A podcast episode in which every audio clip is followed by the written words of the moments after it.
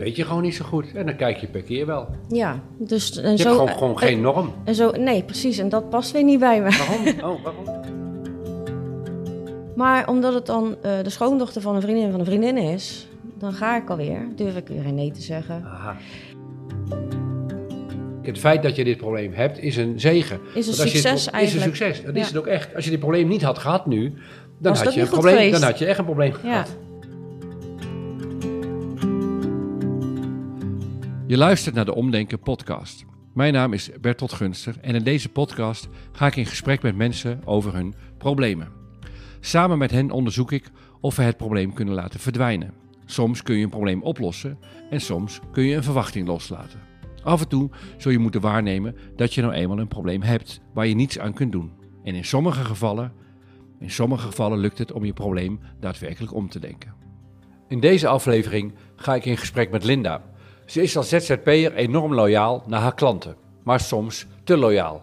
De balans tussen geven en nemen is dan verstoord en op dit moment belemmert dat haar in het zetten van de volgende stap voor haar bedrijf.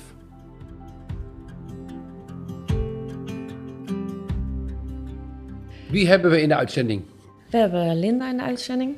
39 jaar, moeder van twee kinderen. Hoe oud zijn de kinderen? Even eh, voor de 18 beeld. en 16. 18 en 16. Ja. Ja, Lieve man. hele lieve man. Ja, zeven jaar samen nu, twee jaar getrouwd. Eh, voor hem dus ook verhuisd van eh, de Randstad naar Limburg. Deze man is niet de man van je kinderen dan, Nee, neem nee. ik aan. Nee, Ja. daarvoor een huwelijk gehad van 13 jaar. Je woont in Limburg, zeg je. Verhuisd vanuit Randstad. Ja, Wat doe je voor de kost? Eh, wat, wat voor werk heb je? ik ben kapster. Ja? Ik werk ambulant, dus bij de mensen aan huis. Mhm. Eh, ZZP'er, dus zelfstandig ondernemer. Eh, nu twee jaar dan. Maar wel al eigenlijk van jongs af aan in dit beroep opgegroeid. Want je ouders deden dat ook? Of, eh, Ja, mijn ouders die hadden een, eh, een zaak, een uh, ja, schoonheidssalon, alles in één. eh. Ja, ja. Dus ja, altijd de interesse gehad voor dit vak. Dit is gewoon jouw wereld, die ken Ja, je gewoon ja. van aan. Ja, echt van mijn hobby mijn werk weten te maken. Ja, tof. Goed, dit even als algemene beeldvorming. Want eh, de- we gaan natuurlijk meteen naar waar deze podcast voor bedoeld is. Naar de vraag, wat, wat is je vraagstuk, je probleem? Nou, mijn vraagstuk is dat ik het vrij moeilijk vind om een scheidingslijn te maken tussen wanneer blijf ik zakelijk, wanneer is het klantvriendelijkheid, wanneer is het eh, een vriendschap bijvoorbeeld eh, in het werk. Omdat ik toch ook een tijd thuis heb gezeten. Toen de kinderen klein waren, heb ik bewust een aantal jaren even rust genomen van het werk. Om, ja, je, je wil niks missen van die kinderjaren. Ja. Daar hadden wij toen ook de financiële vrijheid voor, dus geweldig. En in die tijd heb ik natuurlijk wel altijd eh, mijn kinderen geknipt, mijn man geknipt. En ja, weet je, als schoonmoeder. Maar dat was dat meer eh, voor gezelligheid of noodzaak Ja, eventjes. kon dat. Hè? Ja, ik kon dat, maar ik vond het ook leuk. Het is toch je hobby. En als ik wel eens een vriendin had of zo, van, joh, eh, maakte hij er zo mij de avond van. Dus ik ben het altijd wel leuk blijven vinden. Ja, je kinderen worden steeds groter. Hè? Die zijn nu 18, 16. Ja, die hebben je niet meer zo nodig. Ja. Dus eh, dan heb je echt zoiets van, ja, en ik dan? Nou, Mm. dan ga je toch kijken van, ja, wat wil ik? Want je zit al, ja... Je, Je valt, echt, tijd, je valt in één Ja. keer in zo'n gat. Ja. Dus je verhuist van de Randstad naar, eh, naar Limburg. Dat Je- is ook een overgang natuurlijk. ja, Hè? ja, en je kent daar eigenlijk helemaal Nee. niemand. Nee. Dus de verveling eh, sloeg ook toe. Dus ik denk, nou, ik ga toch eens eh, een cursus verven doen. Een cursus, hè, gewoon even bijtrainingen. Ja, dat, dat beviel me zo goed dat ik... Verven voor het kapvak, hè? Voor, voor nou, het kappersvak, hè? Voor de, niet voor schilderen cursus tekenen met kwasten, Nee, echt maar- voor het Nou kappersvak. Dat, dat beviel me zo goed dat ik denk, nou, hup, eh, we gaan eens naar zo'n informatiedag van de Kamer van Koophandel. Ja. Nou, dat beviel me ook goed.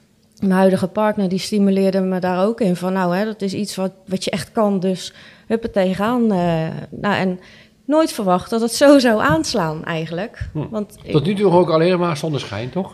Ja. En Je hebt klanten dus, je hebt een netwerk opgebouwd. Je bent een aantal jaren nu ZZP'er. ja, Maar je, en je vraag speelt zich af op, ben ik niet, eh, hoe scheid ik zakelijk, familiaire? nou, Kan- daar kan gaan je- we komen, want ik heb het natuurlijk in die, al die jaren heb ik het eh, gedaan als zijnde, hè, zo'n meidenavond, gezelligheid. Dus ik heb daar nooit geld voor gerekend. Nee. Ik deed het altijd uit hobby. Ja, Maar dat is nu anders. Nu moet ik dus wel mijn rekeningen ervan betalen. En wanneer ga je dan in één keer zeggen: eh, jongens, het is geen hobby, maar ik moet er mijn brood van eh, kopen? ja wat En houd je tegen om dat gemeente ingaan van nu dan tegen iedereen te zeggen? Nou, zo nog niet zeer. Maar ik merk gewoon dat ik het soms te leuk vind om te doen. En dan kom je ook wel eens een keer een klant tegen die het bijvoorbeeld financieel wat minder heeft. En dan krijg je zo'n blurlijn, zeg maar. Zo van wanneer gun ik het, die persoon? En wanneer moet ik zeggen van ik Hallo? heb dit geld nodig. En dan denk ik van ja, weet je, zij heeft dat misschien harder nodig dan ik. Dus eh, het kost mij niks. Het kost eigenlijk alleen maar tijd. Ja. Ik vind het een heel eh, leuk persoon. Ik kom er graag.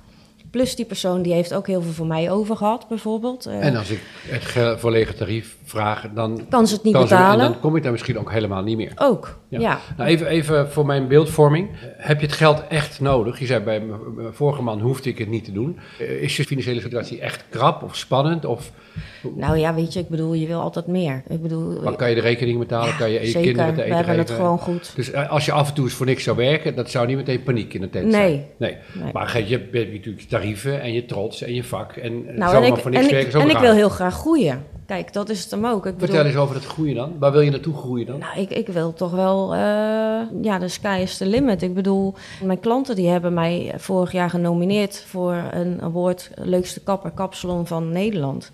Kijk. En ik werkte toen eigenlijk nog maar een jaar in Venlo, terwijl ik ook niemand kende. En ik heb het toch voor elkaar gekregen om rond de 100 kapsalons te verslaan en die award binnen te halen. Die heb je gewonnen. Ja. Zo. Ja, dat is dan, het is een publieksprijs. Hè? Het is niet dat je wordt beoordeeld op je kniptechnieken of technisch gezien niet. Het is echt je klanten die nomineren je ervoor. Die gaan voor jou stemmen. Is het alleen stemmen of komt er ook nog een jury die het beoordeelt? eh? Nee, er is geen jury bij. Dus gewoon het heel is, fans eh, weten te het, genereren. het, dus, is, eh. het is echt mensen die zo blij met je zijn dat ze je die stem gunnen. Dan moet het heel wat geweest zijn dan, ook niet? Nou, vergeleken met een van de beste kappers in Venlo, die dan zeg maar echt een zaak heeft, die had ja, de helft van de stemmen die ik had. Onvoorstelbaar. Ja, en dat dan in een jaar tijd, terwijl je toch uit de Randstad komt. Hè? Ik bedoel, ja, Limburg, eh, ze zeggen altijd het warme Limburg, maar de Limburger is toch gesloten. Die schrikt heel erg van Je ons. Wij zijn heel direct. Ik ben er buitenstaander heel lang. Ja. nogal. Maar wat, wat zijn je groeiambities? Ja, weet je, ik heb echt wel, eh, ik, ik wil toch hoger, ik, ik wil echt bij de beste horen. Ik bedoel, ik, ben, ik hoor nu al bij, bij de betere. Hoe ziet het eruit als je bij de beste hoort? Wat moet ik dan voor me zien? Ja, je, je hebt natuurlijk hele bekende kappers en die volg ik op de voet. Ik vind het helemaal geweldig wat die doen qua kleurtechnieken, kniptechnieken. En eh, ik kan heel veel, maar het kan altijd beter. En bij mij is goed nooit goed genoeg. Is een eigen salon hebben ook een belangrijk deel daarvan? Of hoeft dat niet per se? Nee, nee. Maakt niet uit. Nee. Hey, en het probleem waar we het over hebben, eh, wat je ingebracht had, is dus is het familiair of niet? Wat moet ik in rekening brengen? Wat Nee. is er, hoe erg is het dat je dat gewoon niet zo goed weet? Dat weet je gewoon niet zo goed. En dan kijk je per keer wel. Ja, dus en Je zo. hebt gewoon, gewoon geen norm. En zo, nee, precies. En dat past weer niet bij me. Waarom? Oh, waarom? Wat is er erg omdat je dat gewoon... Dat je, nou, ik kijk gewoon per keer wel. De een gun ik het wel Ja. en de ander niet. En Ja. soms gun ik het iemand een tijdje en dan opeens weer niet. Ja, maar daar ben je dan af en toe dan niet eh, de baas over. Ik bereken bijvoorbeeld geen eh voorrijkosten. Hm. Ik bedoel, ik kies ervoor om ambulant te zijn. En ik werk in een straal van 15 kilometer, zeg maar. Dus dan reken iedereen dezelfde prijs. Klaar. Ja, Het zou raar zijn als iemand die dichterbij woont Nee, dan ja. minder hoeft te betalen. nee. Maar ik merk dan wel, eh, dan krijg je het dus alweer. Dan heb ik een klant die dus al vanaf het begin bij mij is. Ook voor me stemt, me gunt. Eh, je hebt tegenwoordig op Facebook, dan word ik door mijn klanten... Hè, je moet naar die, die is de beste. En de, dus mijn klanten zorgen ervoor dat ik klanten Ja. krijg. Dat is natuurlijk geweldig. Dat, dat Ja. is het mooiste compliment wat je kan krijgen. Nou, dan heb je dus eentje die echt vanaf het begin af aan bij je is. Nou, die vraagt dan van, kun je mijn vriendin ook doen? Prima. En die eh, draagt mij weer voor aan haar schoondochter. Alleen haar schoondochter, die woont gewoon 25 minuten met de auto verderop. Ja. Ligt niet in mijn gebied. Ja. Maar omdat het dan eh, de schoondochter van een vriendin van een vriendin is, dan ga ik alweer. Durf ik weer nee te zeggen. Aha. Omdat je denkt van ja, doe niet zo moeilijk, want ze gunnen je zoveel, dus dan gun je dat ook weer terug. Of je zou, ze zou op een dag binnen die straal moeten komen, zodat je haar knipt bij iemand anders, dat jij niet hoeft te reizen. Ja. Maar jij gaat dan reizen. Ja, En dat Dus- doe je eigenlijk omdat je te aardig bent. ja. en dan Ja. denk ik van nou, hè, het is verven en knippen, dus het is dan ook nog wel een bedrag dat je denkt van nou, het is wel de moeite waard. Maar als je zakelijk gaat je kijken, dat gewoon niet moeten doen, hè? speel ik gewoon Ja. nog niet eens kiet. Want ik moet en erheen een half uur en een half uur weer terug. Eh, en mijn benzine. eh, ja, eh, onderhoud aan mijn auto moet je eigenlijk ook meetellen. Ja, het schiet gewoon eigenlijk helemaal Nee. niet op. En je hebt ambities, dus dat past niet met je ambities. Dus je hebt een, dan heb je een probleem. Maar je wilt ook geen nee zeggen, want dan is het Waarom net of niet? dat je iemand dan bedankt van... eh, nou, hè, bedankt dat je me al die tijd hebt gesteund. eh, je bent nu te min. Of ik, ik kan ook niet gaan zeggen van ja, ik heb het nu zo druk dankzij jullie. Nou bekijk ik maar. Je wilt die klant toch trouw blijven, want ze zijn dan- mij ook trouw dan- gebleven. Vind je dan dat je die klant ergens iets verschuldigd bent? Ja, ja, toch wel. Leg ja. dat eens uit. Hoe werkt dat dan? Dus dat stukje loyaliteit in mij. En ik waardeer het gewoon heel erg dat hun mij zo eh, veel loyaliteit hebben gegeven. En dan past het gewoon absoluut niet bij me om dan die loyaliteit in één keer in te Maar heb trekken. jij dan, hebben ze, je, staat, je bent iets schuldig, dat gevoel heb je. Hè? Ja. Heb, heb jij, hebben zij dan meer voor jou gedaan dan jij voor hen? ja, zo voelt het wel. Zo voelt het zo. Ja, Zo- omdat het zo voelt toch... dat, hè? Ja, Is, is het ook zo? Nou, omdat ik mijn vak natuurlijk leuk is. Ik kom daar gewoon eh, gevoelsmatig om mijn hobby te beoefenen, bijna. Maar dat klopt helemaal niet, want ik kom daar gewoon mijn centen te verdienen. Daardoor raak ik in de knoop. Ja, je hebt een kronkel in je hoofd. Op de een of andere manier denk jij dat omdat je het leuk vindt, omdat het je hobby is, Ja. je er eigenlijk dus geen geld voor hoeft te verdienen. Dan heb je een soort, die twee heb je aan elkaar geklikt, blijkbaar. Ja, Heb ik dat- doordat ik zeg maar al die jaren thuis heb gezeten en eh, hè, dat is hobby. Daarom is het nu moeilijk om nou in één keer te zeggen van dit is mijn vak. Plus, ehm, ja, waar het dan helemaal fout gaat is, eh, ik ben heel veel jaren migraine-patiënt geweest. Daar heb ik nu gelukkig helemaal eh, geen last meer van. Als heel af en toe is eens een keer. En wat gebeurt er? Eh, vrijdag zou ik naar die klant toe gaan. En ik heb dus eigenlijk al in die nacht een migraineaanval gekregen. Dan ga ik al denken van, oh jee, oh jee. Knap ik nou maar op om naar die afspraak te kunnen gaan? Want ik wil gewoon niet afbellen. Er zit ook iets in mij, hè. Ik bel nooit af. Mhm. Al moet ik op mijn knieën daar naartoe, maar. Ik ga. Ja. Want die mensen maken een afspraak van mij. Die en verwachten jou. die verwachten mij. Ja. Maar ik, het komt dus op het punt dat ik denk van... oh jee, dan moet ik 25 minuten in een auto... met die migraine die gewoon zit te drukken. Dan moet ik nog eh, verven, ook met peroxide. En dan moet ik nog terug. Ik denk, ik kom nooit meer terug. Mhm. Nou, dan gaat dat molentje draaien. Dus die migraine die zegt... En ik moet dus vrijwel op het laatste moment die klant echt appen van... nou, ik ga het niet redden, want die migraine die zet door. Wat ook bekend is bij mijn klanten, zeg maar. Om de zoveel tijd hebben ze een aanval. Dat weet ik. Ja, ja, dat heb ik ook gemeld. Dus ja, dat is gewoon eh, zo. En dan krijg ik niet eens een bericht terug. En dan komt dat stukje van, dat doet zeer. En dan moet ik ook echt zeggen van, dit is zakelijk, het is geen vriendin. En dat, dan wordt het een probleem. Want dan denk ik van, ik toon jou eigenlijk zoveel loyaliteit. Ik hoef het niet te Dit, doen. dit emotioneert jou Ja. echt, hè, als je erover... Ja, dat doet je zeer. dat? Je trekt het persoonlijk aan.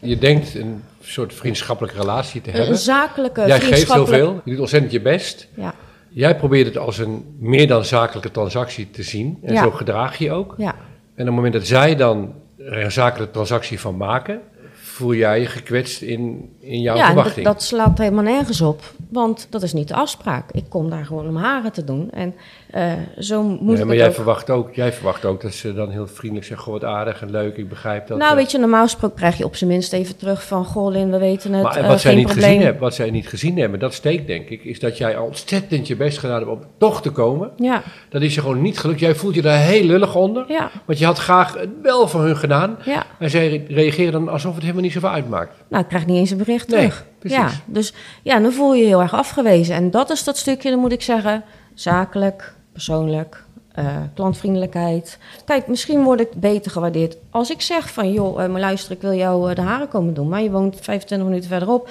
Dan ga je gewoon 15 euro heen, 15 euro terugbetalen... en dan kom ik heel graag. Misschien word ik dan wel gewaardeerd. Want het lijkt bijna of dat we nu een beetje in een maatschappij beginnen te komen... waarin je alleen maar gewaardeerd wordt het moment dat het veel geld kost.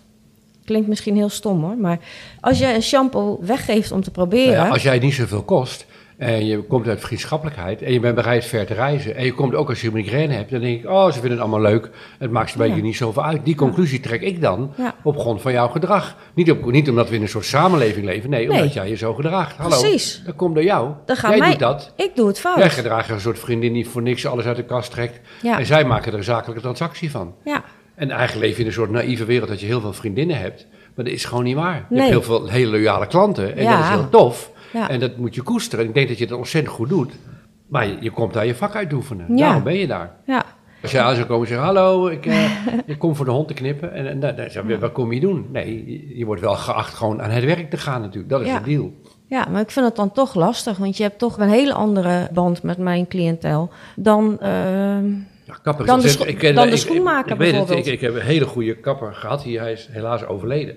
bij ons in de buurt. En die had zoveel warme contacten met zo ongelooflijk veel mensen. Ja. Dat als je mensen aanraakt, je zit in hun haar. Ja, dat is heel je staat toch in iemands gaan comfortzone, Mensen gaan maar. meteen kletsen over wat ze allemaal meemaken. Ja, Dan krijg je ja. allemaal verhalen Ja, te ik, horen. ik, ben, dat is hoe het ben, werkt. ik ben bijna zelfs eh, maatschappelijk werker, psycholoog. Dus, dus eh, dat, jij, je dat jij in je vak heel intiem en vertrouwd voelt en een soort vriendschappelijke relaties ervaart, is ook Mhm. wat er volgens mij ook echt gebeurt. Ja. Ja, nou ben ik er al wel heel erg specifiek in hoor. Want ik heb met iedereen een hartstikke leuke band. Want je moet wel een klik hebben hoor met je cliënten. Maar ehm, ja, het zijn er één of twee waar ik echt een hele close band mee heb. En die zeg ik dat dan ook van, nou eh, ja, weet je wel, ik waardeer het heel erg, want die band die ik met jou heb, Ja. ik heb dat niet zo snel. Kijk, ik ben wel heel amicaal, maar dat ik daar voor mijn plezier even blijf zitten, dat heb ik echt maar met een aantal. En die Ik heb weten een- dat ook. Ik heb wel een voorstel, een gedachte, dus kijken hoe dat werkt. En Kijken of we het probleem heel simpel kunnen Ja. maken. Eh, ja, met alle, daar zit je voor. en hoe, volgens mij heb jij deze constructie. Je, je, je werkt, je doet het voor een hobby, je vindt het leuk om te doen. Onder mensen zijn, daar geniet je van. Ja. Dus jij start op als een soort ja, vriendschap, warme contacten. Je geeft veel, je bent bereid heel veel te doen. Ja. En dat je er wat mee verdient, dat vind je heel tof. En zo geven mensen Ja, jou een dat- kans. dat is Dus jij, jij constru- constructie is eerst vriendschap en daarna gaat het over in een soort zakelijke relatie. Ehm, en hoe zou het nou zijn om het helemaal om te draaien? Te zeggen, je begint met een zakelijke relatie. Jij komt daar omdat je komt knippen.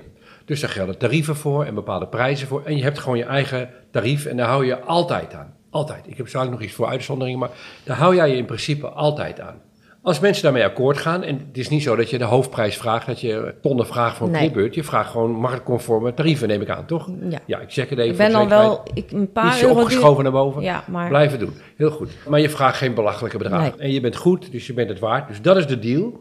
En wie daarmee akkoord gaat, daar ga je voor knippen. En dat probeer je op een zo vriendschappelijke mogelijke manier te doen. Want zo ben jij. Ja. En dat vind je leuk. En het gaat als vanzelf al zo. Dus het is gewoon niet eerst vriendschap en dan kijken hoe je het zakelijk doet. Nee, je begint altijd zakelijk en dan vriendschap.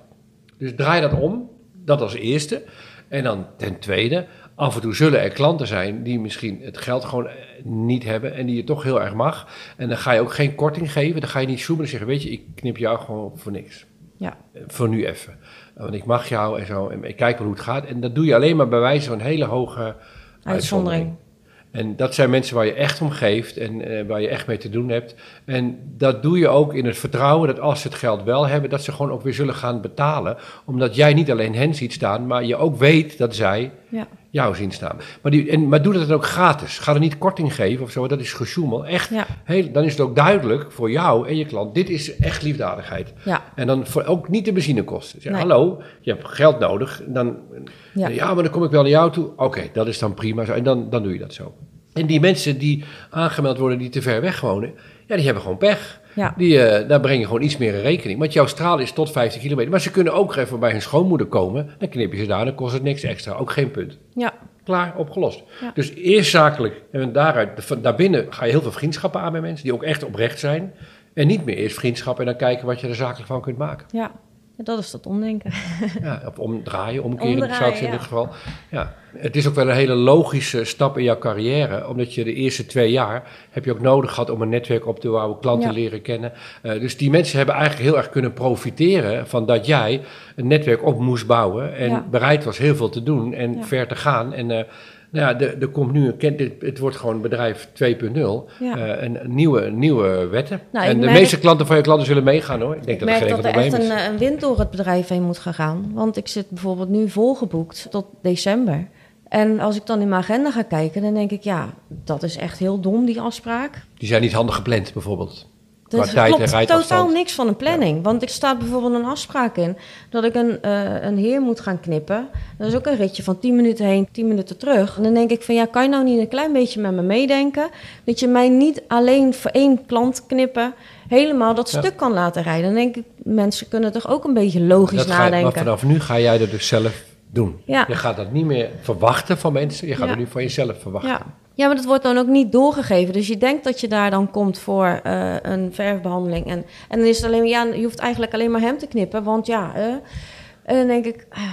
Maar dan moet ik het dus eigenlijk ook zeggen van... goh, eh, is helemaal niet erg, kan wel eens een keer gebeuren. Maar in het vervolg kun je er dan misschien rekening mee houden... dat ik niet je gaat voor- gewoon, jij gaat hier veel duidelijk... Dan gaat dat hier gaat dat dichtslaan. En dan denk ik van ja, hoe? Maar weet je, wat het, weet je wat het is? En daar zul je het heel moeilijk mee gaan hebben. Als jij je zo gaat opstellen, zul je sommige klanten kwijtraken. Ja, En dat trek jij niet, want je wil niet het- worden het afgewezen. gekke is, daar, daar vind ik niet zoveel moeite voor. Want de eh, klanten die zijn weggegaan, er zijn beter voor teruggekomen. Precies, precies, dat wou ik net Dus dat merk ik wel. Ja.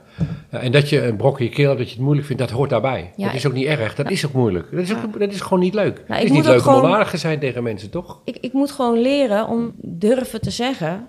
En dan komt weer dat stukje loyaliteit. En denk ik, ja, weet je, Lin, hou gewoon lekker je mond. Doe gewoon niet zo moeilijk. Want ze zijn je al zo lang trouw. En ze, dankzij hun heb je toch al heel veel andere klanten. En dan denk ik, oké, Ja, ja, maar, jij verwart loyaliteit, wat Ja. een heel goed ding is. Dat verwar jij met dat je gewoon veel te veel inleeft en door je knieën gaat. Dat is geen loyaliteit, dat is Nee. gewoon slaafs dom gedrag. Precies. En, daar mag je gewoon mee stoppen. komt- dat heeft komt- niets met loyaliteit te maken. Maar nu Loyaliteit je is ook- echt de spijker op zijn Dank je kop. wel. Want daar komt dus dat stukje emotie bij mij vandaan. Dat eh, merk ik op, dat irriteert me. En de brok in mijn keel zorgt ervoor dat ik het eh, vergeet te zeggen. Of de, nou, omdat ik dichtsla, zeg maar. En het dus niet tegen hun zeg dat het mij stoort, rij ik toch weg. Dat Met ik denk, gevoel. Ja. Nou, dan heb ik nog een tweede goed nieuws voor je dan. Ja. Eh, dat ook als je iets beloofd hebt of toegezegd hebt, je kunt er altijd op terugkomen. Je kunt altijd de telefoon pakken en zeggen, joh, ik vind het erg, ik had het eigenlijk moeten zeggen. En dan zeg je het gewoon alsnog, of Ja. je zegt het de volgende keer. Dat je iets belooft of iets niet zegt, wil niet zeggen dat je het altijd hebt beloofd of dat je het nooit meer mag zeggen. ja, Van mij mag jij namelijk fouten maken van jezelf, het gewoon niet kunnen. En dan, kom, dan doe je het gewoon rewind, spoel je terug. En zeg, ik wil nog even terugkomen op het gesprek vorige week. Nou, waar ik spijt wat ik eigenlijk had moeten zeggen als ik eerlijk was geweest. Eh, en dan zeg je alsnog wat je had willen zeggen. Ja, Dat geeft niks. ja. Maar dit is wel een heel leuk probleem. Ja. Als je even van een afstandje ernaar kijkt, zo ervaar ik het. Want dit betekent dat jij in een hele succesvolle eh, fase met je bedrijf zit. En Ja. dit is een soort groeipijn. Ja. Dat je merkt dat je groter kunt worden, serieuzer kunt gaan werken. En al dat gebruts met halve beloften, toezeggingen, soort quasi-vriendinschappen. Daar ben je inmiddels gewoon te professioneel voor geworden. Hoe tof is dat? ja, het is hartstikke Dus tof. hoe fijn is het dat je dit probleem hebt? Ja, dat is een luxe probleem. Ja, dit, dit, ja absoluut. Dus, en dit kan je echt omdenken. Het feit dat je dit probleem hebt, is een zegen. Is een het- succes eigenlijk. Is een succes. Dat is het ook echt. Als je dit probleem niet had gehad nu, dan, Was had je, een probleem, geweest? dan had je echt een probleem gehad. ja, Ja. inderdaad. Dus koester het en, en geef jezelf de tijd om het te leren. En dan moet je eens een andere toon gaan kiezen naar eh, klanten. Ja, want de hoe... kunst is niet te bitchy te doen of niet te onaardig, maar gewoon echt vriendelijk te blijven. Maar wel een hele heldere, assertieve grens te stellen. Nou, dat is Ja. iets wat je moet gaan leren, want dat Ja. kun je nog niet. Nee, en dat vind ik wel eh, weer heel moeilijk. Want ja, je wil nu niet in één keer overkomen eh, van die persoon waar eerst alles kon. Ja. Die nu eh, in één keer naast zijn schoenen gaat lopen. Dat is het laatste hoe dat ik over wil komen. Oh ja, wij hebben ervoor gezorgd eh, dat jij nu die publieksprijs hebt gewonnen. En eh, nu heb je in één keer voor ons geen tijd meer. Nou, het is heel lief dat zij voor die politieprijs gezorgd hebben.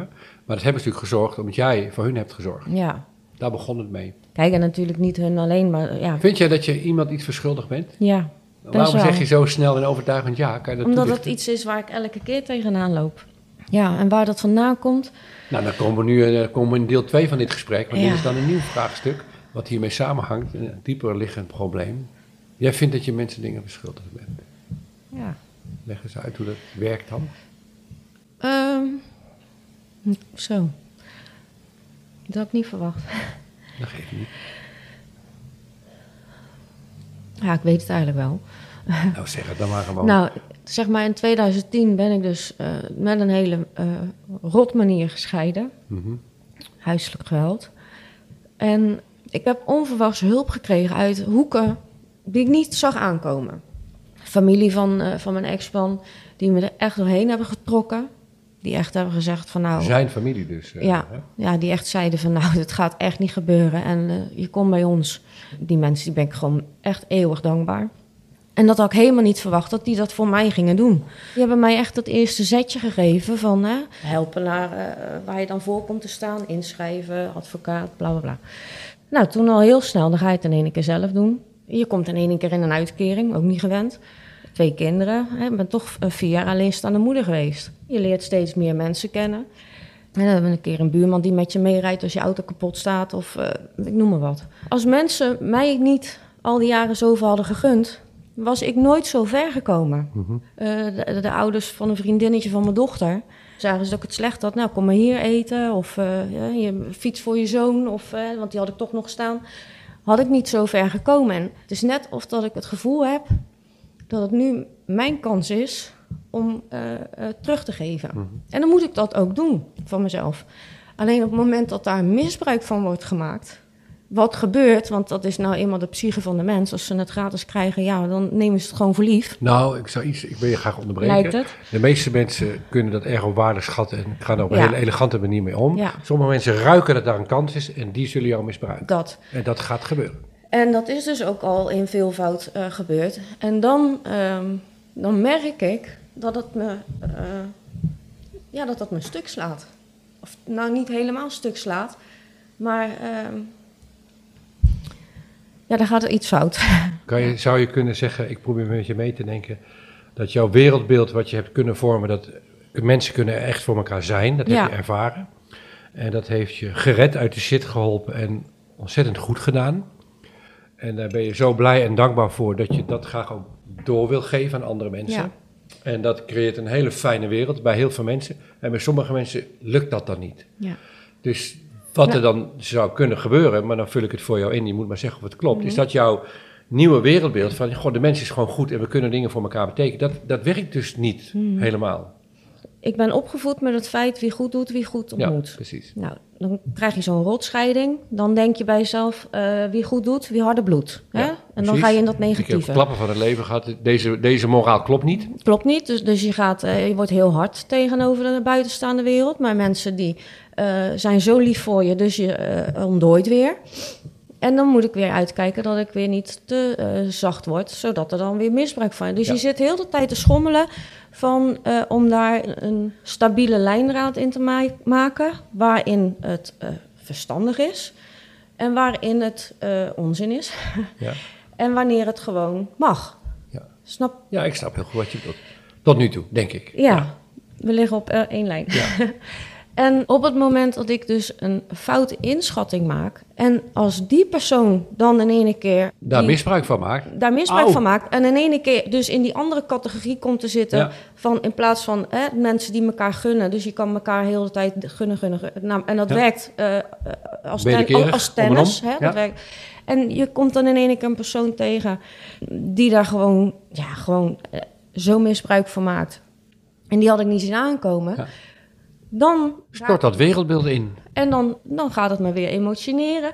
En dan moet ik heel erg voorzichtig zijn dat ik de mensen waar ik dus tennis mee speel, hè, waar je Dat je niet dat spelletje er ook mee stopt. Dat je terugvalt in het wereldbeeld. Wie, wie, wie, Omdat wie, ik dan wie, weer wie, ga- die, die, ja. die bloed. Wie, wat je eerder zei. Ja, ja. Wie- Maar daar ga ik je bij helpen. Ja. Volgens mij is het vrij eenvoudig. Maar niet, ma- niet- vrij eenvoudig, maar niet makkelijk. En, en dit is een boek wat ik geweldig vind. En ik heb het vaker genoemd. is een boek van Adam Grant. Het heet Geven en Nemen. En hij heeft mensen onderzocht. En eh, je hebt mensen die zijn geneigd te geven. En of ze dat terugkrijgen of niet, dat maakt ze eigenlijk niet zoveel uit. Zo iemand ben jij en heel veel mensen zo zijn. Er zijn mensen die zijn eh, wederkerig, dus die geven. Maar ze houden heel goed in de gaten dat ze precies genoeg terugkrijgen. Ja, ja. Aardig wat mensen vallen in die categorie. Die zijn dus heel zuinig, maar wel heel eerlijk. Als ze, als ze krijgen, dan zullen ze ook netjes terugbetalen. En dan heb je categorie, er zijn nemers, die zijn vooral bezig met halen. Die zijn vooral bezig met zoveel mogelijk pakken wat je pakken kan. En die zijn er helemaal niet mee bezig. Die andere mensen hebben een soort citroenen, die kan je uitpersen. Ja. En je haalt eruit wat je eruit halen kan. En vervolgens heeft hij testen gedaan om mensen in te delen in welke groepen zitten ze. En vervolgens heeft hij ook onderzocht hoe, hoe gedragen die mensen zich dan en hoeveel, hoe succesvol zijn ze, is een van de vragen. Nou, wat blijkt, mensen die minst succesvol zijn, zijn de mensen die geven. Die lopen helemaal leeg en die geven en die geven en die, die onder, eindigen qua succes onderaan. Daarboven de mensen die wederkerig zijn en, en daarboven de mensen die nemen. Maar dan is er daarboven nog een groep die het meest succesvol zijn. En weet je wie dat zijn? Ja, de, de, pakkers. Nee, de gevers, opnieuw. Oh, oh. Ja, had je niet niet verwacht. aankomen, Had je niet aan nee. zien komen. Dus zowel, mensen die geven zijn zowel de losers, zou je kunnen zeggen, als de winners. Ja. En dat riep bij hem een interessante vervolgvraag op. Wanneer is een gever dan succesvol en wanneer gaat het juist mis? En hij kwam tot de conclusie, en die is volgens mij voor jou en voor heel veel luisteraars super interessant. Geven is altijd de meest succesvolle strategie. Alleen, je moet wel heel goed weten aan wie. Ja. En gevers zullen af en toe besodemieterd worden. Die vinden dat niet erg. Die weten, Nee. oké, En zeg nou, oké, met jou dus niet meer. Maar, en dat is voor jou interessant, dat daarmee stort mijn wereldbeeld dat ik mensen ga geven, dat geven, die stort niet in. Ik weet gewoon, af en toe heb je wel de rotte appels. Jammer dan, Ja. maar dat tast mijn wereldbeeld niet aan. Nee. En jouw gedrag heeft geen enkele invloed op mijn geloof in de goedheid van de meeste mensen. Ja. Niet van alle, maar van de meeste. Ja. En dit besodemieterd worden, dat zal blijven gebeuren. In jouw leven, van iedereen. Ja. En je wordt een gevoel, op een gegeven Ja, moment heb ik je sneller door. stoppen met geven, maar dat Nee, maar wil dat ik wil ook niet. Maar dat is, Nee, heel- nee, maar dat is past helemaal niet bij leuk. Want Nee. dan krijg je fans en dan word je goede kapper. Geven is leuk. Ja, Geven is het sowieso... geeft mij heel alle- veel voldoening. Maar dat, dat is ook onderzocht. Ja. De meest eh, geven maakt gelukkiger Ja. dan halen of netjes om en om doen. Geven is gewoon de succesmodus van het leven. Ja. Alleen je moet, je moet wel bijleren, aan sommige mensen niet. Ja, En het leuke is, en dat is voor jou denk ik heel fijn, zou heel fijn kunnen zijn, dat als je besluit, sommige mensen niet, dat dat niets zegt over dat je jouw wereldbeeld, wie goed doet, goed ontmoet, wel in stand kunt houden. ja. Ja, alleen je krijgt het niet van de persoon terug waar dat je het aan geeft. En als je dus die mensen tegenkomt, dan moet Ja. je zeggen, knip, met jou wil ik helemaal niks, never, nooit meer te maken hebben. Ja, die heb ik dus ook Afscheid al nemen en ja. snel. Ja. Sne- en steeds sneller, hè? Ja. Steeds sneller. Ja, sneller inderdaad. Nou, die heb ik dus inderdaad ook al eh, eh, gehad. Maar dan ben ik ook, dat is net of dat er eh, zo'n bakkelieten schakelaar omgaat. Ken je dat nog van vroeger? Ja, ja. Klak. Ja, die hadden wij Dan vroeger. kan je heel hard in zijn dan, bedoel je dat dan? Dan is het ook echt in één Ja. keer gewoon klatsboom. Want Ja. dan, eh, ja, dan, ja. Maar dat is dus inderdaad gebeurd bij een persoon die wilde dus eh extensions. Daar ga je dan heel erg ver eh, in om het te, te gunnen. Hè? Want dan Geven, geven, geven, meer, meer, meer, meer. Ja, maar ook van, hé, je bent nieuw hier in Venlo en dan ga ik het voor je rondpraten. Dus hè, het is ook een soort van investering. En dan kom je erachter dat ze het helemaal niet voor je rondpraat. Maar het gewoon alleen maar pakken, pakken, Ja. pakken. Ja. Toen was ik er in één keer zo klaar mee. Ik denk, nou weet je wel, je, ik hoop dat je heel erg blij bent eh, met wat ik voor je heb gedaan. Maar ik ben met jou klaar. Dus dat is telefoonnummers, bam, bam, ba- eh, Ja, weg. ja, dus, je, dus je kan het al. Dit hoef je niet meer te leren. Je kan Nee. het al. Het enige wat je nog bij mag leren is dat het niet zegt over je wereldbeeld van hoe mensen zijn. Sommige mensen zijn zo, maar dat zegt niks over de meerderheid der mensen. Nee, en het grappige is, dan kom je in één keer, omdat je stopt met energie stoppen in die persoon, heb je tijd over voor anderen. En hoe het kan gebeuren, ik heb geen idee, want ik ben wel eens zelfs mensen eh, aan de praat geraakt in de supermarkt, die nu nog klant bij me zijn, super grappig, die dan weer veel leuker zijn. Ja. Ja, weet je, er gaan er, maar er komen, er- het lijkt of dat er gewoon leukere voor Eh, terugkomen. Zo, dat is altijd hoe het werkt. Dat is echt zo, eh, ik- ja. Ik merk ook gewoon heel erg dat ik op dit moment ook heel erg in een eh, soort persoonlijke groei weer zit. Ik ben toen heel erg gegroeid in die burn-out. De burn-out was het moeilijkste wat ik heb meegemaakt. Ja. Ik kon helemaal niks meer. Ik kon, eh, gek gezegd, maar om mezelf onder een douche te stappen, dat putte me helemaal uit. Maar het is ook tegelijkertijd een van de mooiste dingen die ik heb meegemaakt. Want in ene keer moet je gewoon gaan denken: hoe gebeurt dit? Waarom gebeurt dit? En wat kan ik eraan doen om het te veranderen? Dus dat heeft me gewoon heel erg tot nadenken gezet. Je vertelde over je eerste relatie dat er ook sprake was van langere tijd fysiek eh, geweld. Hè? Kan je dan ook zeggen, nu met terugwerkende kracht, dat je ook daarin te lang hebt gegeven? Ja, zeker. En dat heeft er dus waarschijnlijk ook die, die, die burn-out getriggerd. Omdat je altijd maar aan het geven bent. En klaar staat voor familie. En eh, het kan niet op. Ik cijfer me weg. Mijn huis doet er niet toe. Mijn boodschappen doen er Ik niet geef, toe. ik geef, want wie goed doet, die nou, goed ontmoet. Eh, alleen al om het feit van dat schouderklopje van... nou, hè, het is zo'n fijne meid om maar aardig gevonden te willen Ja. worden. Ja.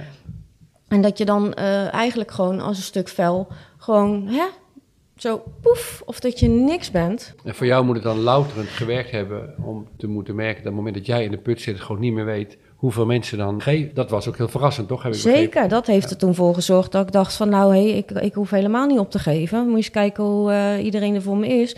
Ik kan het er gewoon niet maken om niet op te geven, want iedereen gelooft in mij. Dus eh, ga maar eens in jezelf geloven. Zo sta je ochtends ook echt in de spiegel te kijken van... ik wil niet beginnen aan deze dag en laat mij alsjeblieft onder de dekens liggen... en er niet meer uitkomen. En dan ga je jezelf die vraag toch stellen van ja, kan ik niet maken tegenover die en die... Want die lopen... eh, Die eh, geloven in mij. die geloven wel in mij. Dus ja, ga er gewoon maar aan staan. Opgeven is geen optie. Je hebt je kinderen. Ja, je wil niemand teleurstellen. Toen heeft het mij er bovenop geholpen. Ja, en nu eh, geeft het af en toe een beetje schade om me verplicht te voelen naar anderen. Dus Nee, dus, eh, eh, als we het zo het hele gesprek overzien. Je kwam met de beginvraag. Ik vind het lastig om scheiding te maken tussen privé en persoonlijk. We zijn het hebben over geven en nemen, je schuldig voelen. En omdraaien van eerst zakelijk en dan familiair. In plaats van eerst familiair en dan zakelijk. Heb je het gevoel dat je geholpen bent met je vraagstuk? ja, ja. Ik mag best wel vertrouwen op het zakelijke stukje in mij. Ik zou het wel zeggen, ja. Ja. Klinkt nog wat broos en aarzelen. ja. Nee, Ja. maar ik denk dat ik daar gewoon een beetje mee moet gaan oefenen gewoon. Ja. En dan kijken hoe mensen erop reageren. En je hoeft maar twee keer een positieve reactie te krijgen en dan maak je het je eigen. En hoe ga je dat vanaf nu doen met dat geven dan? Mensen, er zijn voor andere mensen. Ja, nee, dat is het in mij. Dat geeft mij gewoon voldoening, dus dat blijf ik doen. En ik moet gewoon wat selectiever worden. Blijf het bewust doen, zou ik zeggen. Want het is onderdeel van een successtrategie. En af en toe eh, zul je mensen tegenkomen die er misbruik van maken. That's part of the deal, zeg maar. Dat zit er nou eenmaal bij, maar ga er nooit mee stoppen. Nee. nee, en ik moet daar ook gewoon een beetje meer mezelf in durven te beschermen. Door dus ook bij voorbaat al te kunnen zeggen: ik ga niet verder dan 20 kilometer. Want stel dat ze dan de pin eruit trekken, kunnen ze me er niet mee teleurstellen. Want dan ben ik bij mijn eigen eh, principes gebleven. Dus daar zit wel een leermomentje. Zijn er niet verplicht om jou eh, in te huren. Ze, hoeven, ze hoeven niks. Nee. Nou heb ik eigenlijk een beetje terugverwacht dat zij mij loyaliteit geeft. Omdat ik over mijn eh, werkgebied heen ben gegaan. Mag ik helemaal niet verwachten. Nee. Dus ja, doordat ik het zelf ben gaan verwachten en zij het niet heeft gegeven, ga ik het haar verwijten. Terwijl het is mijn eigen schuld. Precies. Ja, Heb je goed gezegd. ik leer snel, hè? Ja, supersnel. supersnel. Ja, en eh, nogmaals, eh, het feit dat je nu dit probleem hebt is een zegen. is een heel goed teken. Ja. Dat betekent dat je gewoon een, bezig bent met een succesvolle onderneming. Dus veel plezier ermee, ga door. En dit is je les voor nu. En over Ja. twee of drie jaar is weer een andere les. En dan weer een les en weer Kom een les. weer terug En, met een volgend kom je weer probleem. terug. Maken we, wat ik zei, een vervolgserie. Ik ben miljonair geworden. Hoe ga ik, me mijn, hoe ga ik mijn geld opmaken? Iedereen wil mijn geld hebben. Ik, verdorie. alle fase, wat je, waar je ook zit, zijn altijd, Nee. altijd gedoe. Dus dank voor je tijd. En veel plezier met het vervolg. Dankjewel. Graag gedaan. Bedankt voor het luisteren. En jullie zijn echt hele toffe luisteraars. Want als wij aan het einde van de aflevering vragen om een review achter te laten in de podcast-app van Apple, dan doen jullie dat ook massaal. Dat vinden we echt super tof. Maar sommige van jullie stellen daar ook vragen. En dat is niet zo handig, want we kunnen niet antwoorden. We kunnen niet zien van wie die review komt. En we beantwoorden jullie vragen juist heel graag. Dus vragen mag je altijd mailen naar contact apenstaartjeomdenken.nl. En afgelopen week kregen we zo'n review namelijk, maar wel met een vraag die wel vaker voorkomt. Dus die willen we graag even hier beantwoorden. Kraai 0111 vroeg namelijk: welk boek moet ik eerst lezen als ik wil beginnen met het leren van omdenken? Nou, het gekke is dat je het beste kunt beginnen met ons laatste boek. Die heet Zoals verwacht loopt alles anders en heeft als ondertitel Een nieuwe visie op omdenken. Daarom kun je daar ook het beste mee beginnen, want na jaren boeken schrijven over omdenken, heeft Bertolt in dat boek het hele gedachtegoed nog eens binnenstebuiten gekeerd en verbeterd. En ook behandelen we daarin de matrix, die hij regelmatig in deze podcastgesprekken gebruikt. Maar als we eerlijk zijn, kun je het eigenlijk ook niet fout doen, want er is geen enkel boek dat je niet zult begrijpen als je nog geen ander boek over omdenken gelezen hebt. Dus welke je ook kiest, veel leesplezier! Ook voor jou, Kraai 0111. Dankjewel voor het luisteren en tot volgende week.